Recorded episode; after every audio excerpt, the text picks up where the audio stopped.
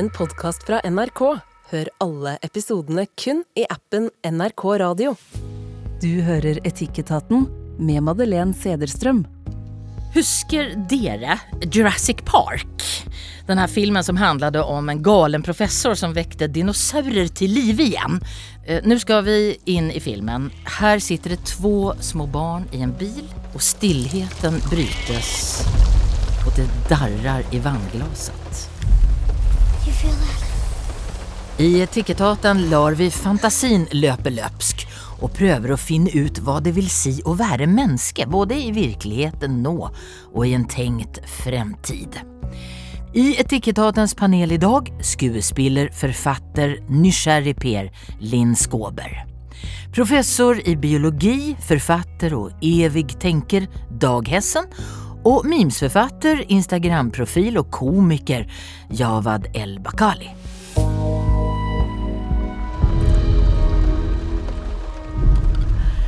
Husker dere denne scenen? Eller? Ja. Absolutt. Ja, ja. Det skal jeg love deg. I hvert fall biologen. Vi skal prate om det her, for at i Techdatorn på mail så kom det her vackra dilemmaet. Eh, borde utdøda dyr vekkes til live? For nå satser altså amerikanere miljoner av dollar for å vekke dronten til live. Det her er en utdød ful som ikke kan flyga og som sist ble sett på 1600-tallet. Ska vi vilket tukle med naturens lik? Frågar Albert. Och eh, först och främst till alla paneldeltagare. Vilka dyr kunde du tänka dig att väcka till live? Börja med dig Linn. Har du ett dyr du gärna kunde tänka dig att väcka till live? Eh, Show-show. Bikkja. Den er borte. Da jeg var liten, så så vi show-shower overalt. Så den ah, må ha blitt utrydda på et eller annet tidspunkt. For der alle hadde show-show, og nå har ingen show-show. Så show-showen vil jeg ha tilbake. Hvorfor? Det var så gøy. Den hadde blå tungehuske, så var det mye pels, og de var veldig snille og artige typer. Så den er forsvunnet for min del. Hvis jeg skal, hvis jeg skal ta noen som Altså ikke de som bare er nesten utrydda, men de andre, så kunne jeg nok tenke meg eh, Jeg leste at kjempendovendyret er eh, borte. Og det var en litt artig kar, for de kunne altså bli like store som elefanter. Og de var veldig langsomme og veldig dumme. Så det ville ikke vært noe krise å ha de rundt i gatene. Jovad, hvilket dyr kunne du tenke deg å Jeg er livredd for alt som har med forhistoriske dyr å gjøre. Så jeg ville sagt en sånn gammel møll eller noe sånt. Bare sånn en sånn minimøll som eks eksisterte for eh, millioner av år tilbake. Flue eller møll, tenker jeg. Ja. Dag, har du noe favoritdyr du kunne tenke deg å få tillbaka? Ja, hvis vi ikke tenker på hva som er mulig, men hva som er ønskelig, så vil jeg Og det er kanskje litt drøyt å, å bruke ordet dyr, men vi biologer ser på mennesker som dyr også, så jeg ville synes det var utrolig kult å få tilbake neandertaleren. Hvorfor det? Eller hva? Nei, altså hva, hva var skillet mellom Homo sapiens og neandertaler? Altså hadde de moral, kunne de le og tenke? Det kunne de selvfølgelig, men eh, hva slags språk hadde de? Ja, i hele tatt. Ville besvart veldig mye vi lurer på.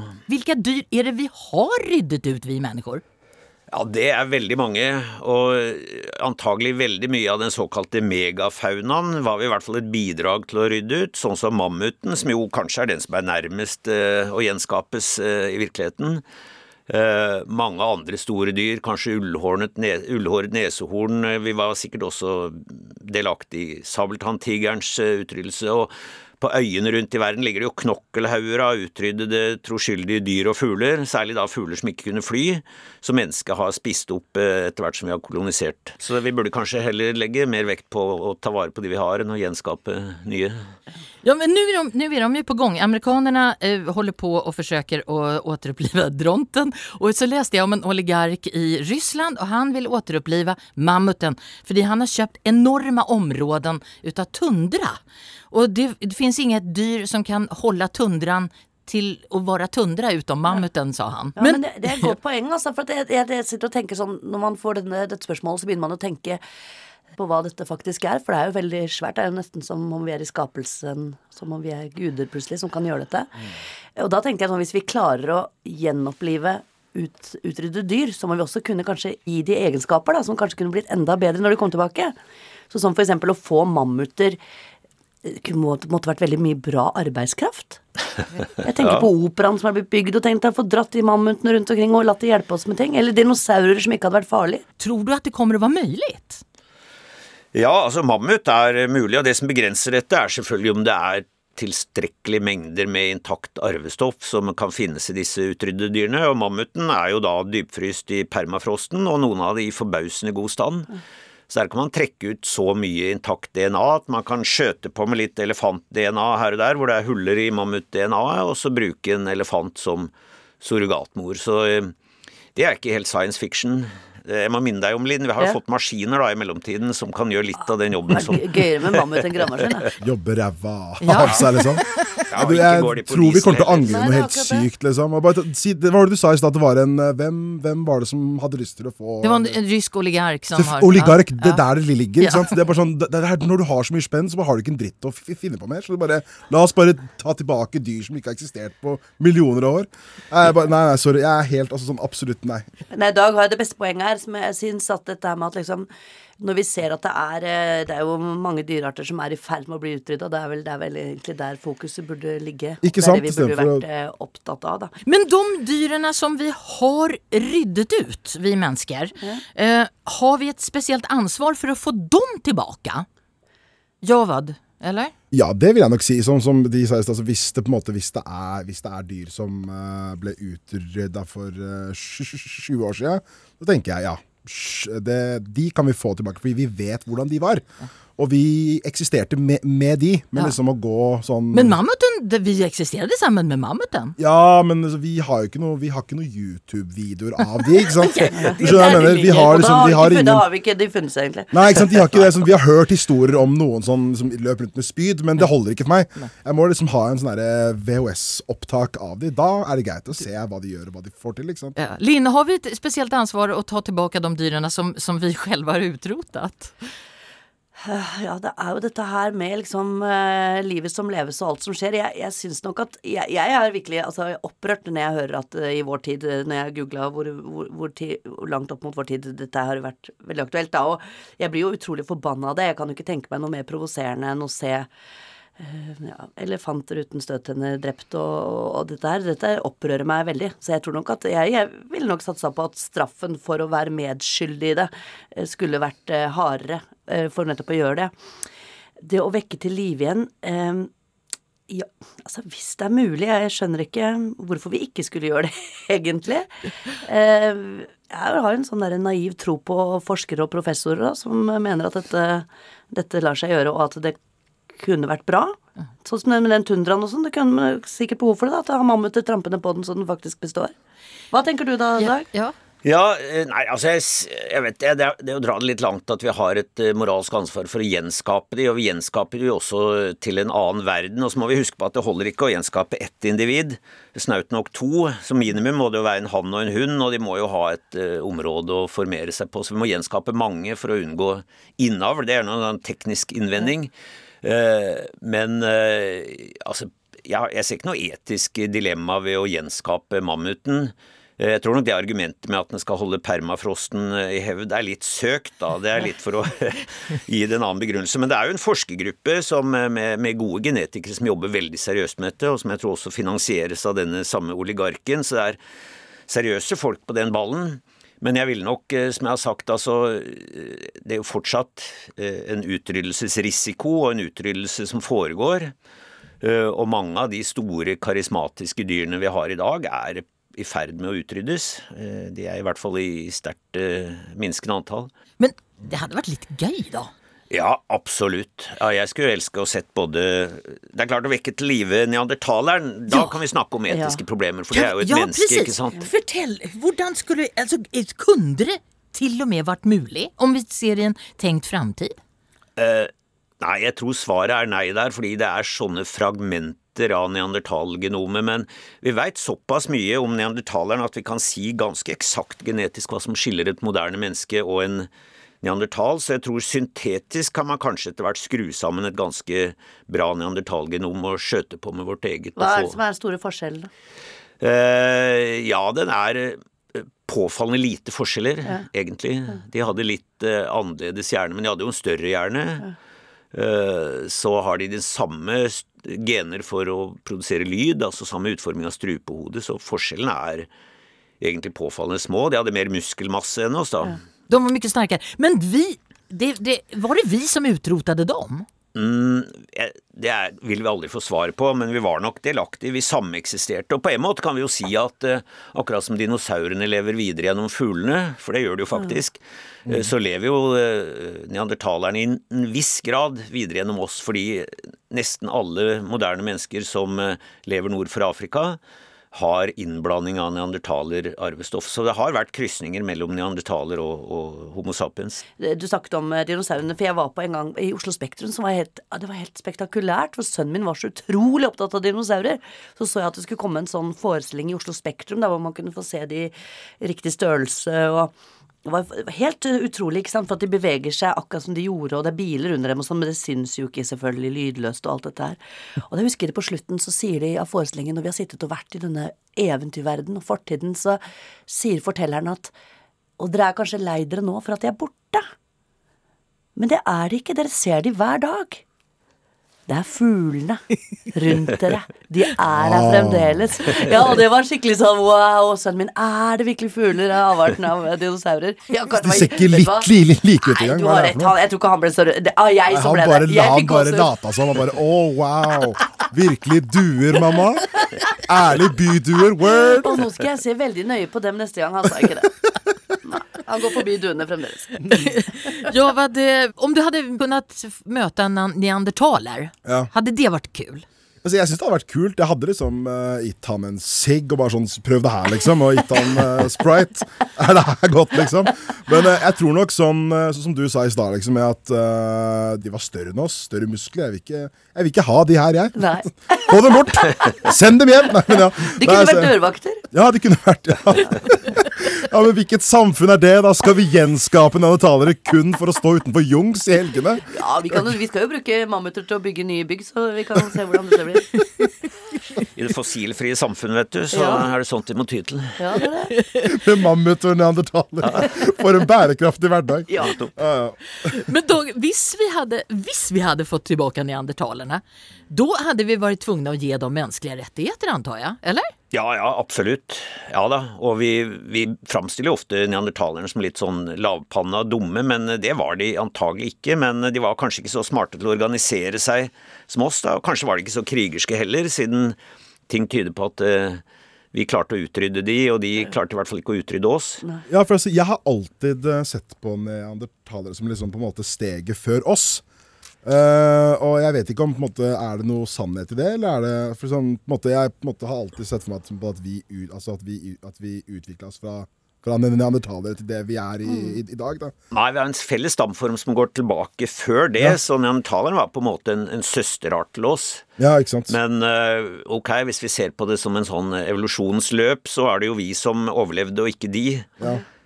Så da tok vi på en måte over sta Ja, vi er, vi er nok smartere både til å organisere oss og etter hvert til å lage våpen og litt sånn. Lukter noen eh, nye episoder av eh, Be Foreigners, i hvert fall. Det kan jeg si. Neandertalersesongen, den, Ja, den aller beste. Ja. Ja. Hvis det en gang har vært et forhold mellom en neandertaler og et menneske da, langt tilbake der Og det har de. Det har de, ikke sant? Og da tenker jeg sånn, ofte er det jo sånn derre Oi, se, han fikk eh, det røde håret til tipp-tipp-tipp-tipp-oldefar. Har jo skjedd. Eh, er det noen muligheter for at det kan komme en neandertaler sånn gjenfødt fra DNA og genene våre? Ja, det er litt for Det lite ble, en- det ble ikke hva ble det? Det ble en neandertaler. En marokkansk neandertaler, min onkel. Onkel Feri tramper inn døra med lav panne og store muskler. Ja, voldsom hårvekst på kroppen. Bare, Men jeg det skal kan stå aldri- utenfor Kaffe. Sara. Vi kan aldri være så heldige. Uh, nei, men det er nok visse trekk. Altså Av og til ser vi jo mennesker som både ser og kanskje også oppfører seg sånn som vi mistenkte at neandertalerne ville gjort. Antagelig på en uh, underkjennelse av de, da. Men uh, nei, det er 1,5-2 prosent er liksom snittet de fleste av oss bærer på, så det blir nok ikke så dominerende hos noe barn. Biolog Dag Hessen, skuespiller Linn Skåber, komiker Javad El Bakali. Ni skal alldeles straks få bryne dere på et stort og eksistensielt tema.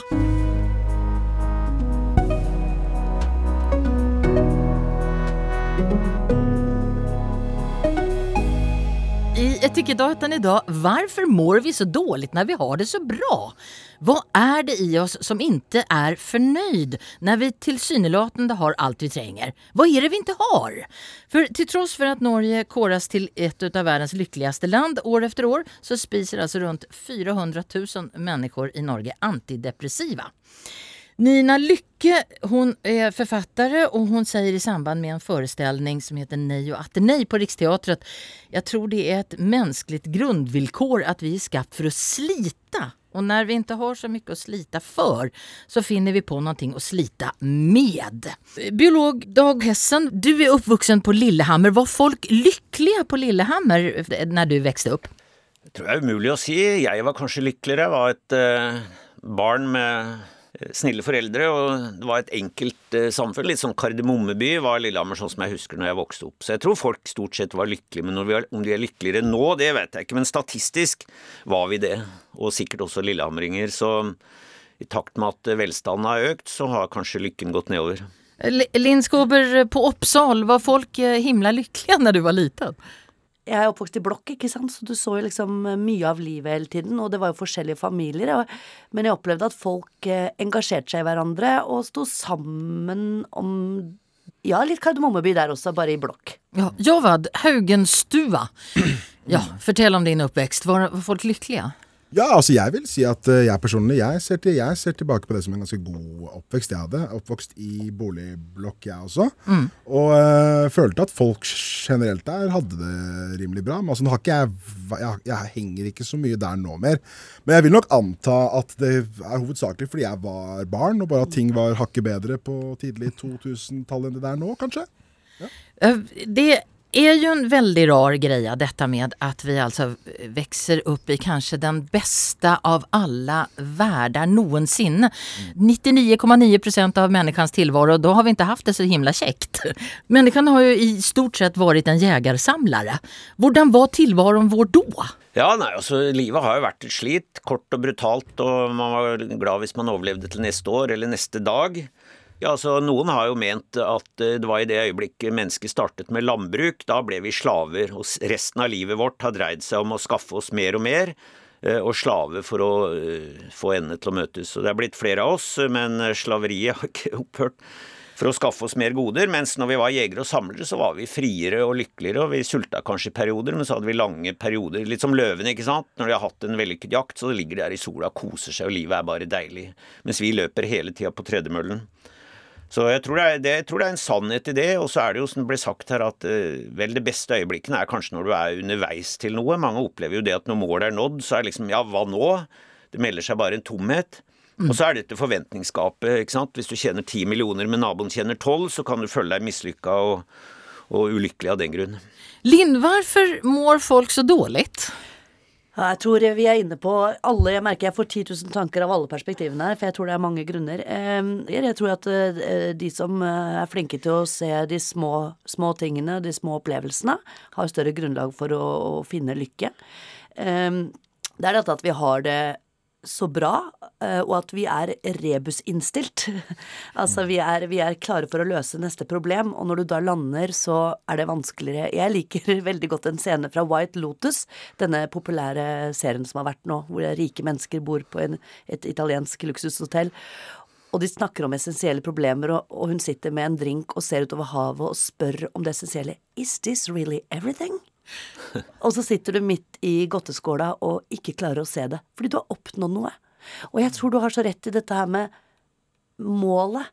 Det er noe med at de som opplever at veien er det viktigste, de kan nok finne lykken tydeligere. Og så er det dette med sammenligning. Alt han har vært inne på. Dette her med at de menneskene som sammenligner seg mest med alle hele tiden, de vil nok alltid streve med å bli, oppleve disse korte sekundene av lykke. Et av de folka jeg vet om som er aller mest eh, happy med sin til tilværelse, er en barndomskompis som fikk en mild hjerneskade da han gikk i åttende. Og, eh, og han eh, fikk jo da en, en rimelig hissig utviklingshemming. Altså han er nå ufør, men han er så happy, liksom. Det er helt sinnssykt. Han bor fortsatt hos mor. Han har en 75-tommer TV inne på soverommet sitt. Og han lever livet. Han er ikke på jobb, og han har liksom ingen mål eller, eller ambisjon. Han er der, da. Han står opp og tar seg en uh, sigg og spiser noe mat, og så er han happy, liksom. Det er ikke noe mer som eh, skal eh, til. Altså, det er akkurat det. Ja. Uten å ha slitt i forkant. Jeg er litt, ja. litt lykkeligere etter at jeg slutta å røyke, det kjenner jeg. Faktisk. der det er noe med de små tingene i livet.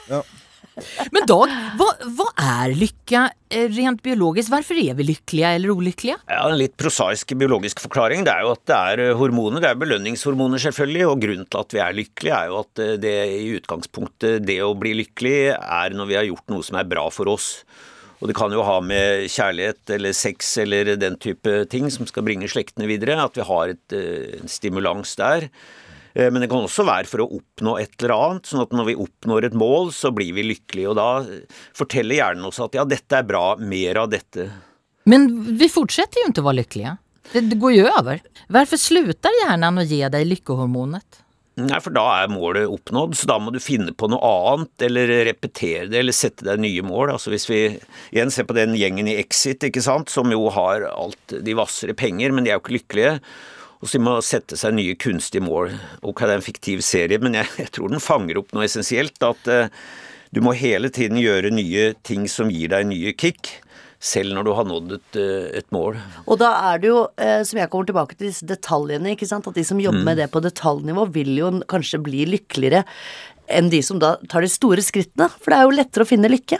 Jeg opplevde det veldig under koronaen. Det var så mange som egentlig nesten hatt en øvelse på dette helt siden jeg var liten. Nettopp dette å finne disse detaljene som gir et lite blaff av noe man har lengta etter, da.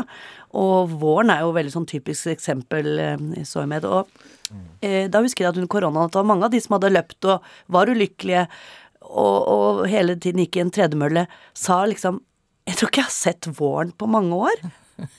Fordi de endelig fikk tid og ikke jakta på det andre, men da ble lykkelig av å se detaljene igjen. Da, at man kom på at detaljene var det viktigste. Det var fantastisk. altså Jeg hadde tid til å gå ut og henge. og det var liksom Alle barer og sånn var holdt jo stengt, så jeg sparte masse spenn.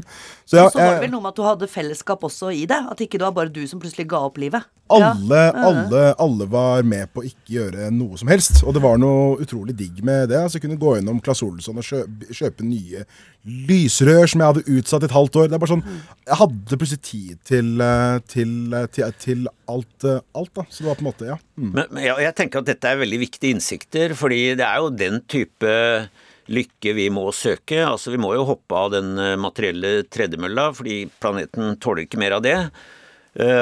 Og det var akkurat det koronaperioden viste. Ja, jeg hadde også akkurat den samme like, følelsen. vi ble likere. Ja, vi ble like, og vi kunne oppsøke fellesskapet. Det er Ja. også noe som gjør folk lykkelige, å tilhøre et fellesskap. Også søke lykken i de små tingene og oppdage at gresset er ikke nødvendigvis grønnere i Spania enn i Norge, og det er ikke de store spektakulære tingene nødvendigvis, men, men ofte de, de små detaljene. Og dette er jo ja, det er viktig lærdom for kanskje den veien samfunnet bør orientere seg mot. Men litt grønnere er det likevel i Spania og Italia osv., har jeg funnet ut. Fordi at det er noe med at Jeg har vært mye i Italia, i, disse, i byene liksom der da. Og um, jeg legger ofte skylden på mye av det vi sliter med, på kulda. Ikke av det at det er kaldt, men det at vi ikke har de samme arenaene overalt for å møtes. I Italia så er det sånn at de går ut om morgenen. Fellesskapet består i å ta den kjappe espressoen på hjørnet, den eh, lille kafeen fordi det er varmt. De møtes der og går videre til sine ting. Det er et fellesskap. Det er forebyggende for ensomhet. Her har vi mye mer de derre eh, rekkehustilværelsen, det å ikke møtes, ikke lage møtepunkt, og det gjør folk mer ulykkelige. Eh, det er derfor jeg blir lykkelig når jeg ser annet i drabantbyene, da, som vi kjenner til, og at man bygger fellesskapsområder. Elsker at det sitter folk på Tveita-senteret. Elsker at liksom de bygger sånne møteplasser, for det kan gjøre noe med detaljene i, i hverdagen vår. Eh, FHI har en folkehälsoundersökning som sier følgende, nemlig at unge jenter mår sämst och de gamla mår bäst. Du, Linn, du har ju skrivit böcker om det. Kan du förklara det? Ja, det er mange måter å forklare det på, men det er klart, uh, unge jenter skal ha mer driv i seg og mer jakt i seg enn de eldre har som sitter og, og slapper av og har det fint. Så det, det er noe av dette som stemmer, syns jeg, som skal være sånn. Du skal forske i livets rebus, du skal gjennom sorg, du skal gjennom kjærlighetssorg, angst alt dette, og som de kanskje andre har fått en mer oversikt over. Men når det er sagt, så er det jo noe med at eh, jentene også nok en gang, som jeg syns man kan jobbe litt med og ikke Man snakker om sammenligning og eh, at man hele tiden strever etter å bli som andre. Jeg tror det er der de unge jentene sliter mer enn de eldre, som ikke lenger sammenligner seg i den store graden. Jeg kan også si hva de eldste sa om nettopp dette med lykke, for det snakka vi en del om. Og de som var lykkeligste av de eldste, snakket om ett ord som var grunnlaget for hele livet av hva de hadde kjent på, og det var takknemlighet. Og de som følte takka for dagen, takka for det de fikk, om det så var en kopp kaffe eller en vaffel, de andre som bare gikk og klagde, var selvfølgelig mindre lykkelige hele tiden. Så takknemlighet var en av disse hovedessensene i å leve et lykkelig liv, da. Ja, vad, hva, hva, har du noen forklaring, Eller? Nei, altså, jeg vil jo ikke anta at å være en ung, eh, ung dame er hakket mye bedre enn å være en eldre dame, vil jeg si. Eh, Det har vært åpen rom for å ta, for å ta utdanning og holde på med hva enn. Så jeg vet ikke, men altså, jeg vil også anta at eh, vi har jo for mange valg å ta. Så kanskje det er litt av grunnen til at vi ikke har det så bra heller, da. Sånn som jeg er litt sånn, sånn som jeg har sagt før. Det er sånn, de stundene jeg har det aller verst, er jo når jeg får til noe. For da vet jeg ikke hvor jeg skal hen da, etter det. Så eh, nå fikk jeg det til å handle kun om meg sjæl, og det er ikke bra. Men, Nei, men jeg eh, synes det er kjempeviktig sånn poeng det du sier. Det er jo med dette målet som Dag snakket om i stad. Ja, ja. Jeg hadde akkurat samme opplevelsen sjøl, bare for å vende det inn på meg, da. Ja, kjør på. Ja, ja. Eh, nei, men Jeg søkte så lenge for å bli skuespiller. ikke sant? Altså Jeg holdt Mm. på i kanskje ja, sju år eller noe sånt. Jeg støttet teaterskolen fem ganger. Alt var en evig slit. Jeg husker jeg sa at jeg kommer aldri til å bli, bli lykkelig. Jeg skal aldri takke for denne tiden noen gang i framtiden. Jeg skal bare vite hvor jævlig jeg hadde det. Hadde Mm. det egentlig ganske digg. Var ute og festa med venner og hadde det fint. Så kom jeg inn, og så fikk jeg, var jeg ferdig utdannet skuespiller, og da kjente jeg wow. Da er det følelsen av at nå er du på- Nå toppen, jakten ikke sant? Herfra kan det ja, bare gå Nå var det bare tomhet. Ja, det, er det, Men, det eh, går bare ned. Men eh, ja, jeg tror også det at det er nok eh, Og jeg ser det på Jeg underviser hos studenter, ikke sant. Jeg ser ofte at uh, jentene de skal det er Vi har jo et prestasjons- og konkurransesamfunn. Ja. Uh, og det rammer nok jentene som ofte er mer samvittighetsfulle og stiller større Ja. krav til seg selv. Og også har lavere selvfølelse, selv om den ofte er helt ubegrunnet. Altså Guttene kan ha mye grunn, bedre grunn til dårlig selvfølelse, men de har den ikke. Ja, Så det er en kjønnsforskjell der, men jeg tror også det er dette at eh, Altså i, I min tid, jeg er så gammel at jeg vokste opp i en førdigital tid, og de vi sammenligna oss med da, var jo liksom de, ja, de i klassen og folk Erik som var Erik Soler som fikk førsteplassen på Norges mest sexy mann, så du på det? I det nye. Ja, det er klart det var mulighet for det, men stort sett sammenligna vi oss med de i nærmiljøet i klassen, og de var ikke så veldig vellykka, noen av de. de var, vi lå liksom stort sett på samme nivå. Mens i dag er jo, må du, kan du alltid føle deg som en taper hvis du har hele nettet som sammenligningsarena. Det er alltid noen som er flinkere og sprekere og penere og mer vellykka, så uansett hvor flink du er, så er det lett å føle seg Men det er jo viktig da å forklare altså Vi ser jo ofte baksiden av det også, og det også blir jo ganske løfta fram at har, man har det egentlig ikke sånn som det er på Instagram, liksom. Nei, men jeg tror likevel det kommer i bakgrunnen av alt det der flashy og det Ja. inntrykket av photoshoppa bilder og en, en sminka virkelighet som eh, som Men vi har det- et ansvar der, da. Jeg syns at vi voksne har et ansvar for å på en måte eh, belyse det. Jeg syns en av de beste kommentarene i debatten med Sophie Elise f.eks. på NRK, så var det veldig mange gamle menn som ville ha henne vekk fra NRK og sånn, selvfølgelig, og det var jo moralsk også, ja, alle sider av dette her. Men da var det en sånn bloggedame som jeg var litt opphengt i, eller ung, ung jente, som svarte de mennene på, med litt lepper og sånn sjøl, og hun svarte Hvis du har et problem med at eh, Sofie Elise er forbildet til datteren din, så har du vel hatt en eh, relativt slapp eh, oppdragelse i utgangspunktet. Det er noe med at liksom Vi har også et, eh, et oppdrag om å vise at dette er, er også en forside. Mm. Og at det også fins en bakside. Det er viktig opp, liksom. Altså, jeg føler ofte de som står på Insta og sier at de har det så dritjævlig, ser jo, man ser jo ofte at de ser bra ut, og så har de mye spenn. Så det er liksom, man tar det ikke helt seriøst. da. Jeg tenker at noen folk setter seg på en sånn skumgummimadrass med dritskitne klær og sier jeg har det jævlig, da tror jeg på det. Men hvis du liksom sitter sminka og ser dritbra ut, og ofte de bildene de slenger ut som det er, liksom er stygge og usminka, så ser de dritbra ut, liksom. Så jeg bare kjøper det ikke helt. Men jeg tror det er det som er problemet med Insta for, for min del. For jeg blir også sur av å gå inn der. Jeg bare sånn, faen, han, han har fått ny serie på NRK. Helvete. Så går du rundt der, så sitter du her en hel, hel dag. Men det er bare fordi at altså, alle sin Insta er jo deres på en måte highlight. Eh, det er på en måte alle høydepunktene de har, da. Så du sammenligner liksom deg sjæl på det aller kjipeste med alle andres liksom høydepunkt. Og det, og det, det går jo ikke. Så jeg, sånn, jeg husker at jeg ga ut bok i fjor, og så debuterte den på tredjeplass, tror jeg, og det er jo bra. Men så så jeg bare sånn Ja, men faen, Abida Raja fikk første. Helvete, ikke sant? Og så er det sånn Hun hadde det helt jævlig! Jeg, jeg, jeg, jeg kan jo ikke gå og være sint på henne. Så jeg bare, man går liksom og sitter der bare sånn, Man sitter og bare blir dritsur da, for at man ikke Ja. Ja, nei, Det er jo litt som uh, sølvmedaljen i uh, VM, ikke sant. Den, ja. Den, Istedenfor å glede seg over den, så blir du sur fordi uh, Ja, ja. det ikke ble gullet. Eller den kjipe fjerdeplassen. ja, ikke, for ikke å snakke om den kjipe fjerdeplassen. Ja, det kjenner vi kanskje mer sverre Sverige til enn vi gjør. Vi er jo flinke til å oppdra barna våre til å tro at dette er en uh, verden laget av fløyel, ikke sant. Så det er jo første gang de også merker at ok, jeg er ikke alltid best, nei, sånn som mamma sa.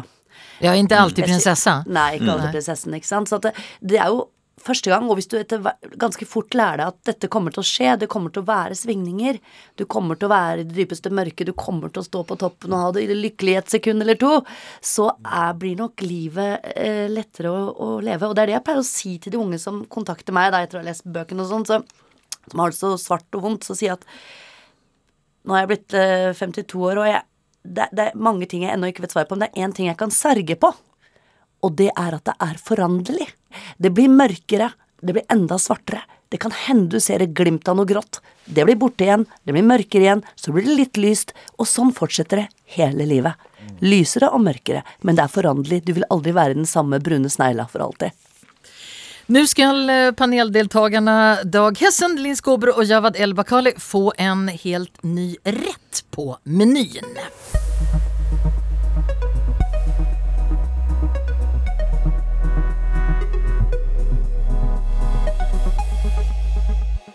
Jag var 11 år och mamma och min syster och jag följde med min pappa, sjökaptenen, på de stora tankeren som han var styrman på.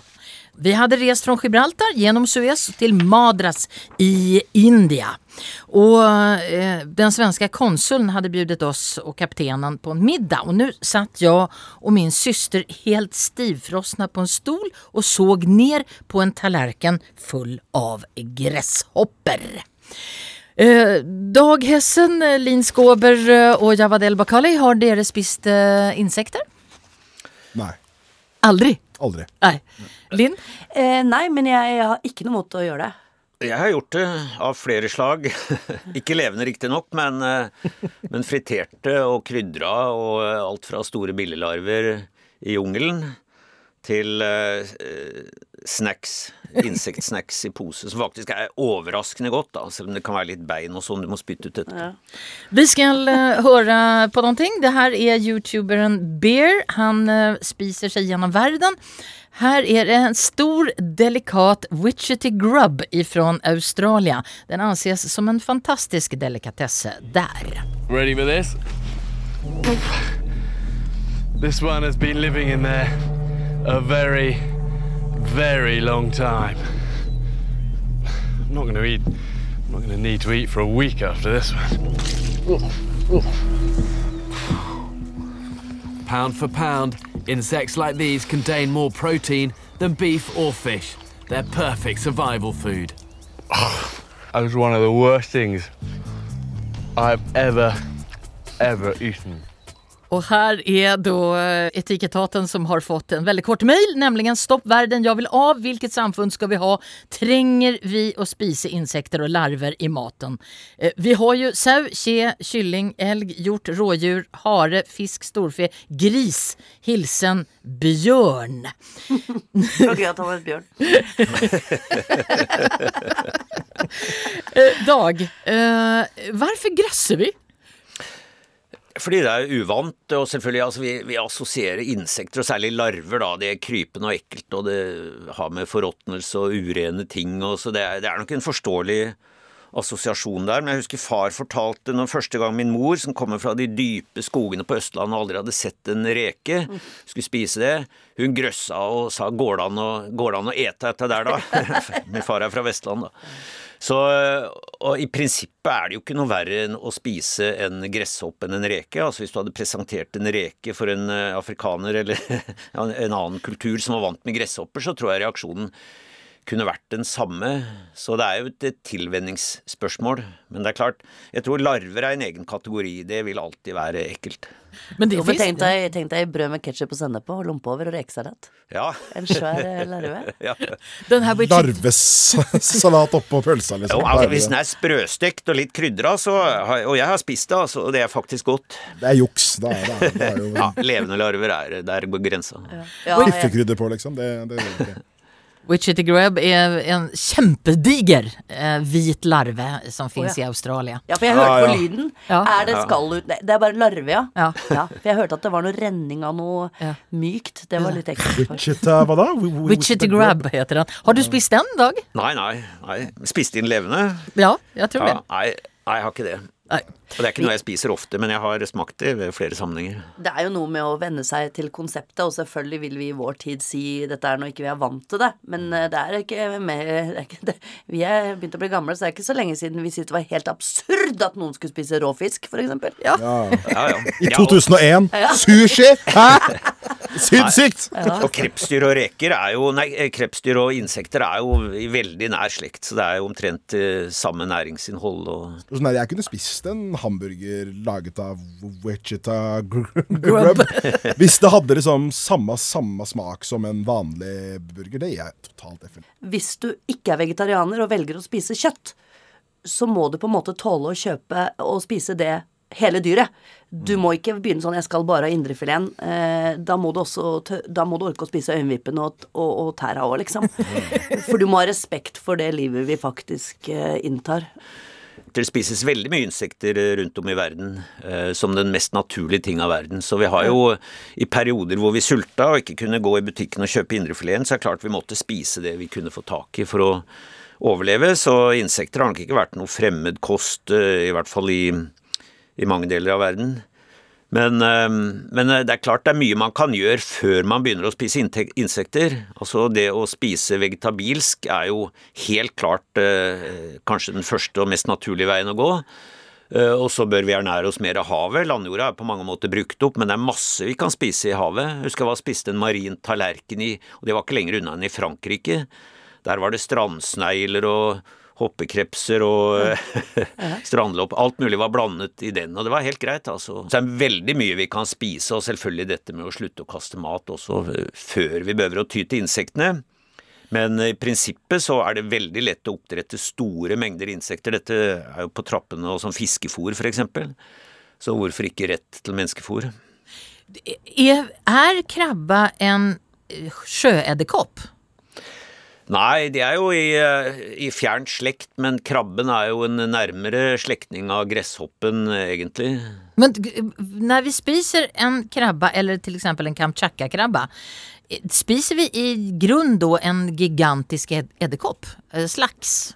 Ja, jeg vil ikke si det, men, men de ligner jo, og det er jo, det er jo slekts, slektskap mellom de. De kunne sånn sett gjerne spist edderkopper også, hvis de var i, i samme Ja, Vadelin, spiser edderkopper? Ja, jeg jeg elsker jo krabbe. Hvis det er nok majones og nok avokado på, så bare skjuler liksom litt hva det er, så kunne jeg fint ha spist en edderkopp, jeg, med nok ketsjup. Ja, vad? Uh, Edderkopp. Altså, som, eh, hvis det var liksom uh, komprimert om til en sånn Beyond Burger-type Ja, patty, liksom. Ja. Med sånn derre norsk husedderkopp-hamburger. Lett.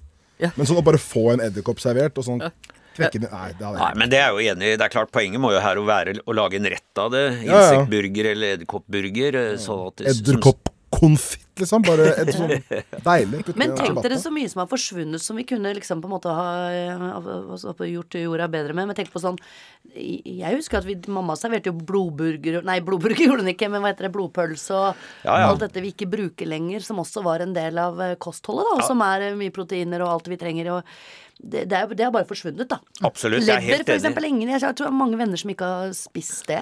Nei, vi hadde jo lever eh, med jevne Ja. mellomrom. Vi hadde også lungemos. Ja, det, var, ja, ja, ja. det var en litt uh, uappetittlig sak, det skal jeg innrømme, men det eh, det var jo Men det ligna på gryterett hvis de skjulte det godt nok. Ja, så lenge jeg ikke visste hva den inneholdt, var det Ja, jo men det har du igjen, vet du. Det er sånn som folk sier til meg, for jeg elsker pølser, da. Så sier de du burde dra på en pølsefabrikk, så kunne du se hva de putta i. Men jeg hadde jo ikke slutta med det, for det er med respekten som en sier med at jeg spiser kjøtt. Da må jeg tåle å spise hele dyret. Kan vi redde jorden uten å spise insekter, Dag? Ja, det tror jeg vi kan hvis vi spiser mer grønt, rett og slett. Også enkle dyr. Vi kunne spise plankton. Eh, Vi ernærer oss mer i havet, fordi det produseres mer per areal i havet enn på land. Eh, Og kaster mindre. Og som Linn sier, altså spiser mer av dyret. Så vi har mye å gå på før vi må ty til insektene, men jeg har ikke noe prinsipielt eh, jeg ser ikke noe prinsipielt negativt, tvert imot, ved at vi også begynner å supplere kostholdet med, med insektburgere. Har insekterna en slags bevissthet? Må vi behandle dem på et pent sett? Ja, Det vil jeg nok si er det minste problemet her. Når vi kan holde smarte dyr som gris innestengt i industrielle husdyrbesetninger, og så er i hvert fall insektene et veldig marginalt problem i, i den sammenheng. Men samtidig så snakket jeg med en insektforsker en gang som jeg fikk gå litt inngående, og da fikk jeg lov til å spille, spi, stille dumme spørsmål, og det elsker jeg, ikke sant, for da kan jeg Det var Linn fem år, da, som fikk spørre, og da spurte jeg om sånne ting som at liksom sover insekter, for eksempel. For det er liksom det man ikke tenker over, og det, det gjør de, da. Og da får man jo litt mer sånn mm, ømhet eh, for insektene. Men som Jeg spiser ku, liksom. Så jeg, det, nei, jeg, og vi spiser vel fluer hele tida uten å vite om det, gjør vi ikke det? Når vi bare åpner munnen. Ja, så jeg vil si at sånn, Hvis vi ikke skal spise insekter, så syns jeg ikke vi skal få lov til å spise noen dyr. Vi kaster bare i Norge 170 000 brød varje dag. Linn og Javad, eh, kastar ni mye mat? Nei, jeg har fått en mye større bevissthet på det. Altså, akkurat som Dag at Man begynner å få liksom sånn dårlig samvittighet for det, på en måte. Og det skjedde jo ikke før. Før tenkte man ikke over det engang. Men i og med sortering og man ser hvor mye man kaster, så, så begynner man å tenke på det. Så jeg tror det er viktig at vi prater om det alle sammen og hele tiden har har du oppe i nyhetsbildet at det er et problem, da? For før anså man ikke det som et problem. Man bare tenkte at det gikk tilbake til jorda og ferdig med det, liksom. Mm. Javad, kastar du mat? Du, jeg hiver en god del mat, ja. Og samboeren min hater det. Hun er bare sånn Bare ta oss og ta en finger og bare ta oss og Smaker, smak, da. Nei, altså ja, men jeg, jeg, tror, vet du hva, jeg tror rett og slett det har noe med at det står en fastsatt uh, dato på det. Jeg syns egentlig at uh, datomerkinger bare burde Bare fjerne det helt. Så må folk faktisk liksom åpne og ta en, en, en, eh, en, en smak, da. For å se. For jeg er liksom, en gang jeg ser en dato, så er jeg sånn Hvis jeg rører det etter den datoen her, så dør jeg, liksom. Da må jeg fortelle deg at moren min sa til meg, altså, og det lever jeg etter, hun eh, var veldig god til å lage mat, og hun sa alltid at du skal alltid se etter det kjøttet, for eksempel, som eh, ligger helt nær datoen, eller litt etter, for det er liksom det beste kjøttet, da. Og når du har det som en bevissthet, som ikke at det er søppelmat, men at det er enda bedre, Ja. så begynner det å bli noe. Men det er ganske rart, jeg har veldig mye eh, venner i forskjellige aldre, både eldre og yngre, og jeg opplever at de yngre kaster mer. Og det er litt fascinerende. Jeg, har lyst, jeg sier av og til det er deg jeg redder jorda for. Hvorfor har du ikke grønne og, og lila poser? Ja, så er det vi som har dårligst råd også. Så Ja. vi går rundt og hiver mat. men Det er de eldre som har penger og Ja. fem eh, bygårder. Så. Det er faktisk et godt forslag. altså Fjern den utløpsdatoen som Ja, ofte er jeg. helt, eh, helt fiktiv. Ja, ja. Eh, og- men de unge tar den ofte veldig bokstavelig. Det ser jo hjemme også. Ikke sant? Nei, denne melka, den ja, Ikke bare at den gikk ut i går, men den går ut i morgen. Så jeg tar ikke sjansen på å drikke den, selv om den okay, såpass ille er jeg ikke, jeg må bare si fra om det. Ja, Altså, men jeg er opplever det samme selv, altså. Det er mange rundt meg som tenker sånn, altså. Og det er litt eh, dumt. Mens jeg smaker på den, og smaker den greit, ikke sant. Du kan ta litt, grann, og smaker den greit, så drikker jeg den. Og samme hvis ikke brødet er muggen, så er Du det jo spiser jo insekter og larver og alt. så ja, kan ja, du- altså, det er Det var en spøk, sorry. Nå hørtes det slip ut. Det var ikke helt sånn. Nei, men det skal veldig mye til før du blir dårlig. Det er klart, noen matvarer eh, Tilbake til rekene. Hvis rekene begynner å bli gamle, så skal du ikke spise de, Men eh, de blir jo som regel spist opp før det, da. Bjørn, du har fått eh, et slags svar. Ja, vi trenger å spise insekter, men kanskje ikke hvis vi slutter å kaste mat. Spis hele dyret, Bjørn. Det Det er det viktigste. Ja, det tror jeg. Øyne og tær og alt. Ja, absolutt. Øyevipper, den tenkte jeg også på. Det var det du sa, øyevipper. Ja. Friterte øyevipper oppå Det er bra. Och vilka dyr er det som har øyevipper? Kur. Kur har det va? Ja, Hester har vel det også? Hester, alle har Fleste det. pattedyr har det. De Og det er ganske ekkelt å tenke på, men hvis du spiser kjøtt, så må du tåle å tenke på det ekle. Så vær så god. vær så. Øyevipp-pasta. Det er ikke så mye næring i det, da.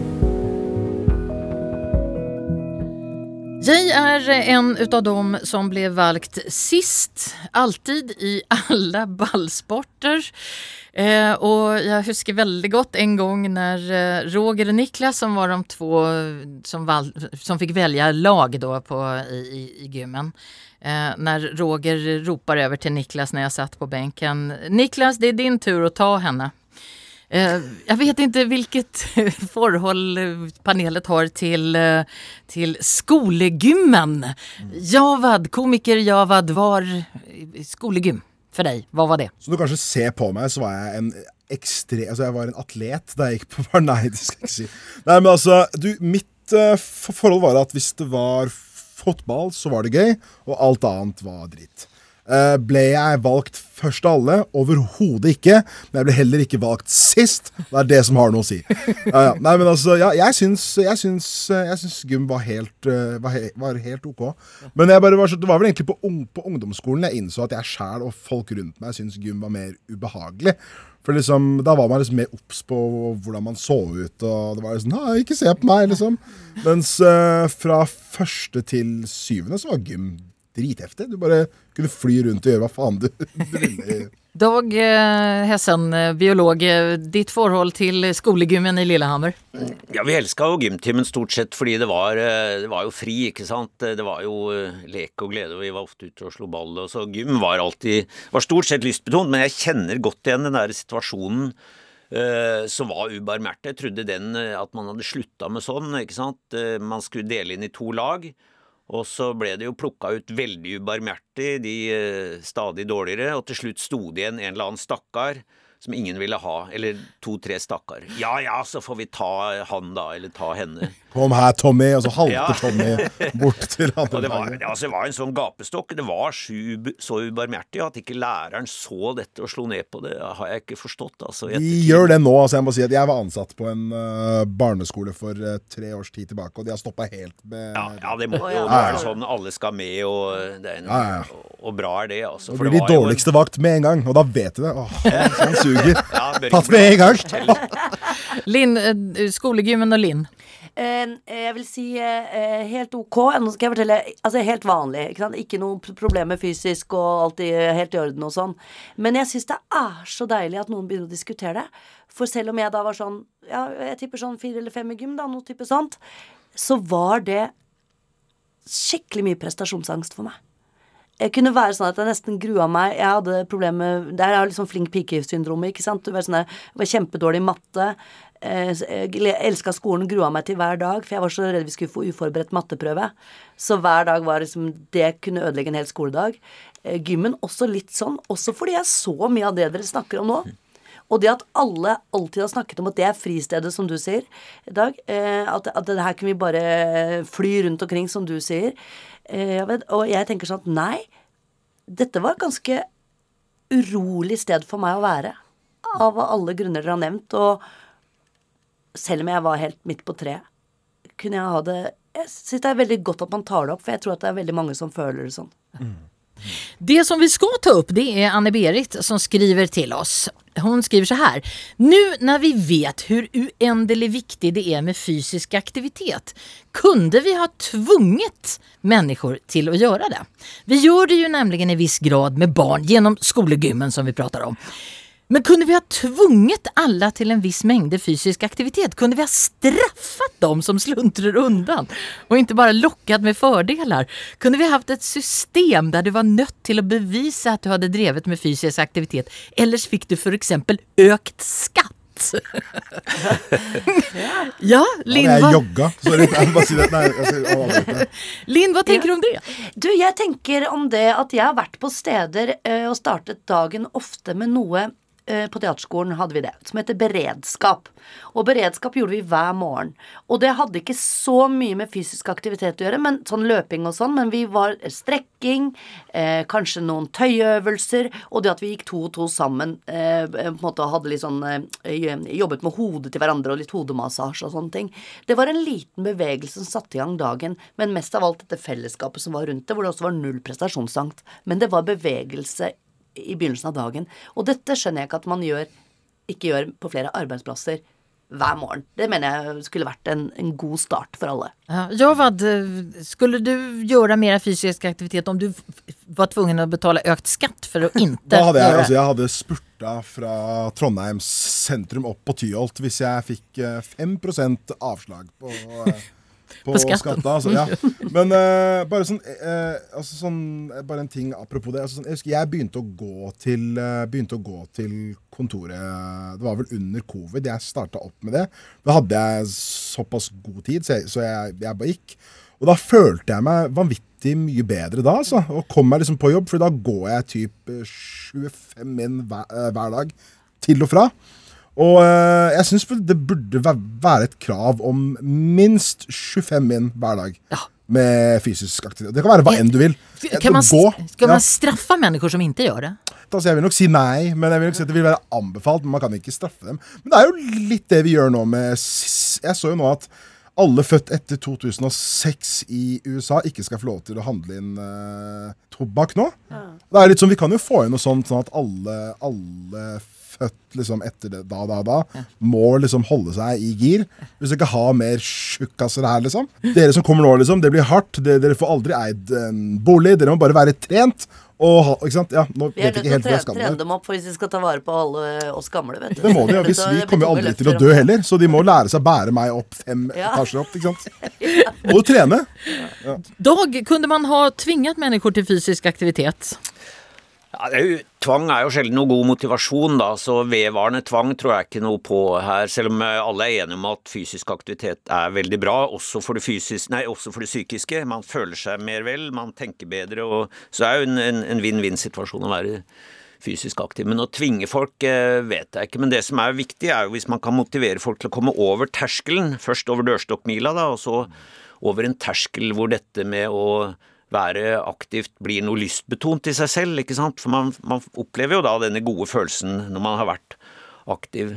Så kanskje, og det er vel det vi prøver på, en liten sånn tvang til å begynne med for å få barna ut, få de til å være fysisk aktive, og så etter hvert kommer de til et nivå hvor dette, ja, dette er lystbetont, dette har jeg lyst til å gjøre. Men du hørte jo det som Linn sa og jeg var det også, at, at den her tvanget i gymmen det, det var ganske demotiverende. Ja, ja, jo, altså, helt klart. Og det er jo ikke alle som eh, behøver å like gym eller like trening, for all del. Jeg tenker utgangspunktet, akkurat som jeg tenker med å, å, være ute i natur, at man bør presenteres for det, få prøvd det noen ganger, se om dette er noen mulighet, noe som fenger. Og er det ikke det, så for all del, altså. Da må du få lov å sitte på kafeen i stedet. Ja, det er ikke det jeg tenker. Jeg tenker på at motivasjonen min ofte eh, føles litt meningsløs med trening, for den er så veldig egoistisk, da. Det er som du sier, du skal føle deg bedre, du skal ha det bedre. Mm. alt sånne ting. Jeg skulle ønske at eh, For meg så hadde det vært mer motivasjon hvis jeg gjorde noe for andre. Og da tenker jeg jo sånn at sånn som På treningsstudio og sånn, så er det eh, så mye energi som eh, flyr bort i bare egoisme. Så jeg tenker jo sånn å koble på de der løpemaskinene, eksempel, slik at du ser bilde av Gunda på Torshov som sitter på ettromsen uten strøm, og hvis du løper, så får hun lys denne kvelden. Ja, du produserer strømmen. Du på produserer strømmen for Gunda. Og, da, og du ser at lyset blir svakere og svakere, og hun får ikke lest boka si, hun fryser også. Men du løper, for nå gjør du noe for noen andre. Eller eksempel, alle dere som trenger å trene. Nå skal vi bygge et nytt storhus nede i Bjørvika.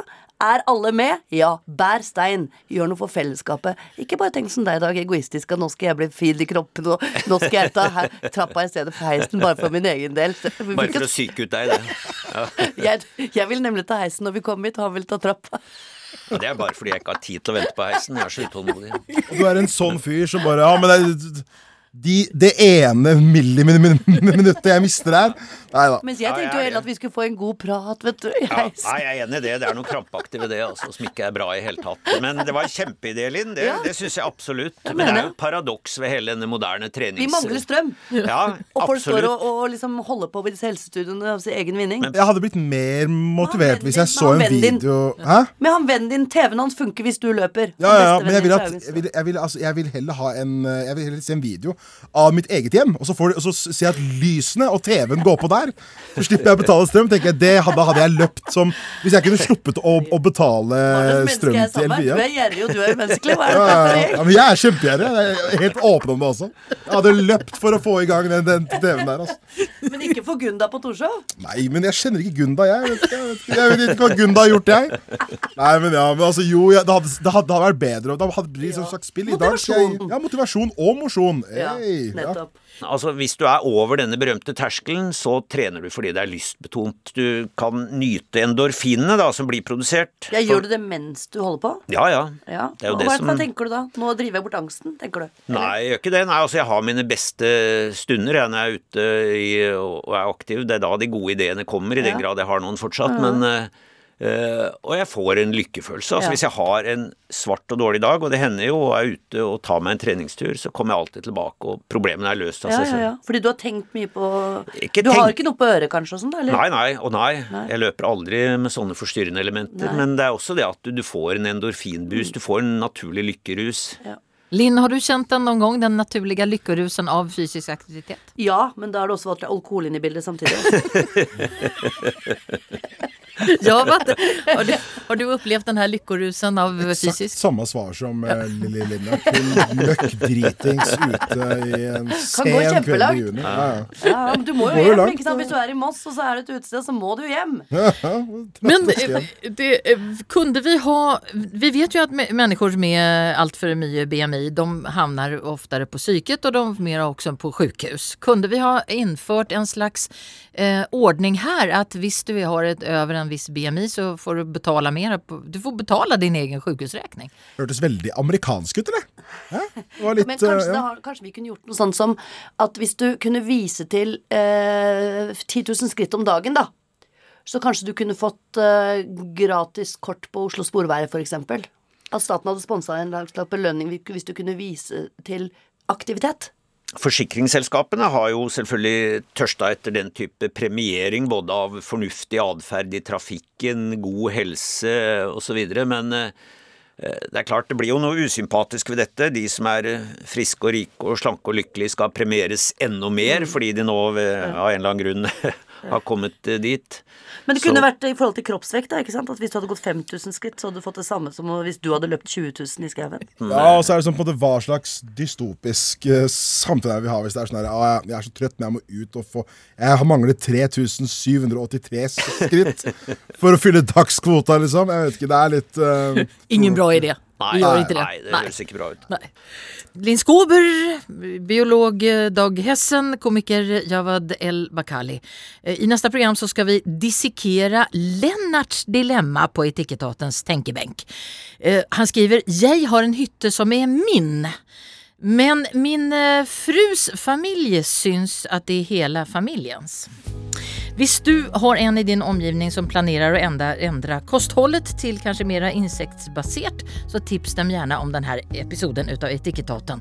Den ligger på appen NRK Radio och har du ett vrient filosofiskt problem så låt oss få kverne det här i Etikettaten. Skriv till etikettaten krøllalfa nrk.no.